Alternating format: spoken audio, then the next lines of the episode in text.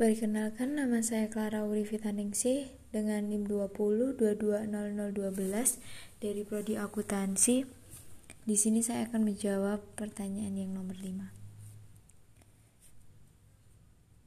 Pada gambar di samping menjelaskan tentang tren ITC atau dalam bahasa Indonesia tren TIK tren teknologi informasi dan komunikasi sudah menjadi bagian penting dalam kehidupan manusia apalagi dalam dunia bisnis dunia bisnis membutuhkan teknologi informasi untuk meningkatkan efisien bisnisnya seiring perkembangan bisnis berbagai solusi teknologi informasi pun lahir untuk membantu agar proses bisnis dapat berjalan dengan lancar dan efisien. Tren tersebut melibatkan berbagai hal yaitu yang pertama, pelayanan publik berbasis internet e-government yaitu penggunaan teknologi informasi oleh pemerintah yang memungkinkan pemerintah untuk mentransformasikan hubungan dengan masyarakat, dunia bisnis, dan pihak yang berkepentingan. E-commerce tersebut mengacu kepada penyampaian informasi dan pelayanan online pemerintah melalui internet atau media digital lainnya. Yang kedua yaitu smartphone.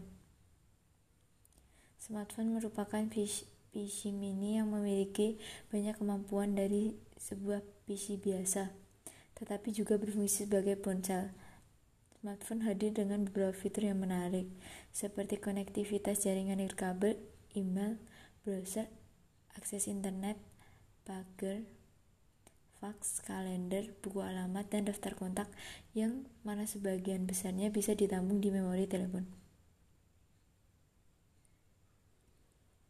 Internet of Things Internet of Things dapat dibilang yaitu di mana benda-benda di sekitar kita dapat berkomunikasi antara satu sama lain melalui jaringan seperti internet.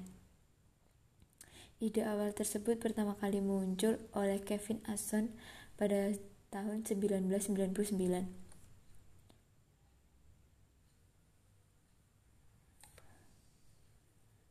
Beberapa contoh konkret yaitu wearable device yang memulai dipasarkan di dunia.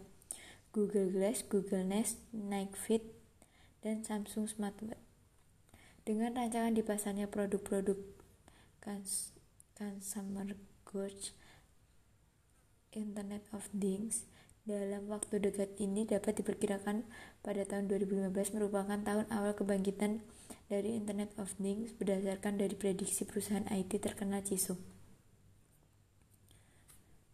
Kecerdasan IA Kecerdasan buatan salah satu cabang ilmu pengetahuan berhubungan dengan pemanfaatan mesin untuk memecahkan persoalan yang rumit dengan cara yang lebih manusiawi.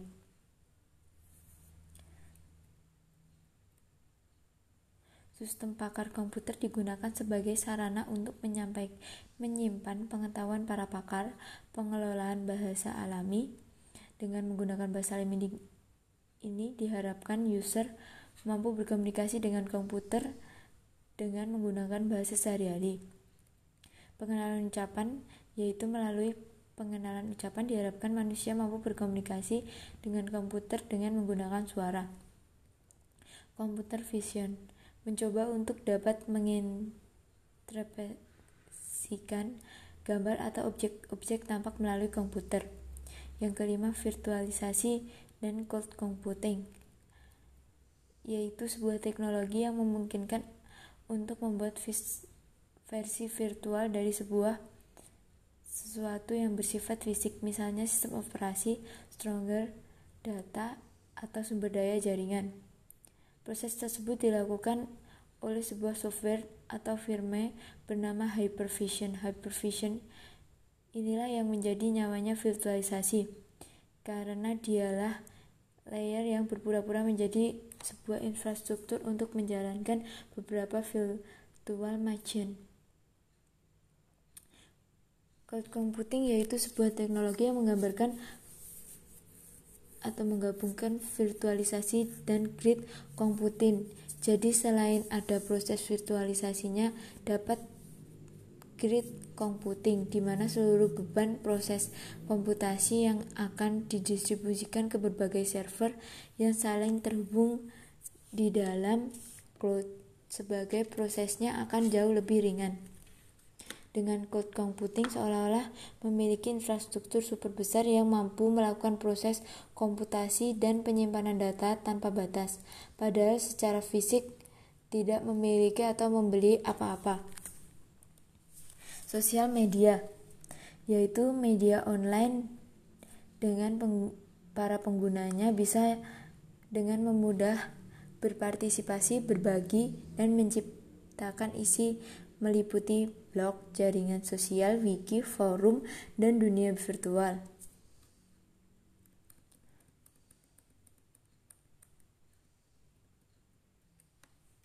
Andreas Kaplan dan Michelle Halein mendefinisikan media sosial sebagai sebuah kelompok aplikasi berbasis internet yang membangun di atas dasar ideologi dan teknologi web 2.0. Kemudian komersial 4G. Membangun infrastruktur komunikasi optik jaringan 4G, eh 5G telah berlangsung sejak beberapa tahun lalu. Para operator telekomunikasi juga telah diperluas arsitektur 5G secara bertahap dari jaringan backbone ke jaringan metropolitan dan akses jaringan. Sensor sidik jari di bagian layar bawah sensor sidik berada di balik ditemukan di smartphone unggulan saat ini.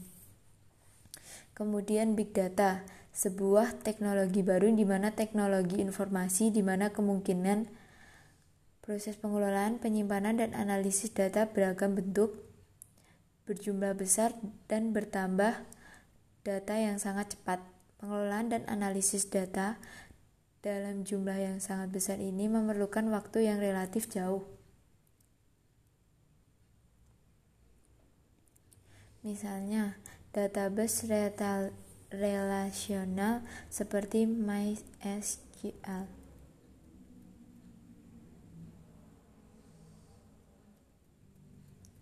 Yang kemudian yang B, apa saja pengaruh perkembangan teknologi informasi dan komunikasi terhadap sistem informasi? Teknologi informasi dan komunikasi mempengaruhi perkembangan sistem informasi dalam hal pemrosesan data dan peningkatan jumlah dan kualitas. Pengaruh yang positif yaitu misalnya memudahkan pekerjaan, pekerjaan yang dapat dilakukan oleh satu orang menjadi lebih efektif dan efisien, pertukaran sebuah informasi yang menjadi lebih mudah dan cepat. Kemudian yang negatif, menurunnya prestasi belajar dan juga kemampuan bekerja seseorang. Yang kedua, mengabaikan tugas dan juga pekerjaan. Cyberbullying meningkatkan penipuan dan kejahatan cyber individu menjadi malas untuk bersosialisasi secara fisik.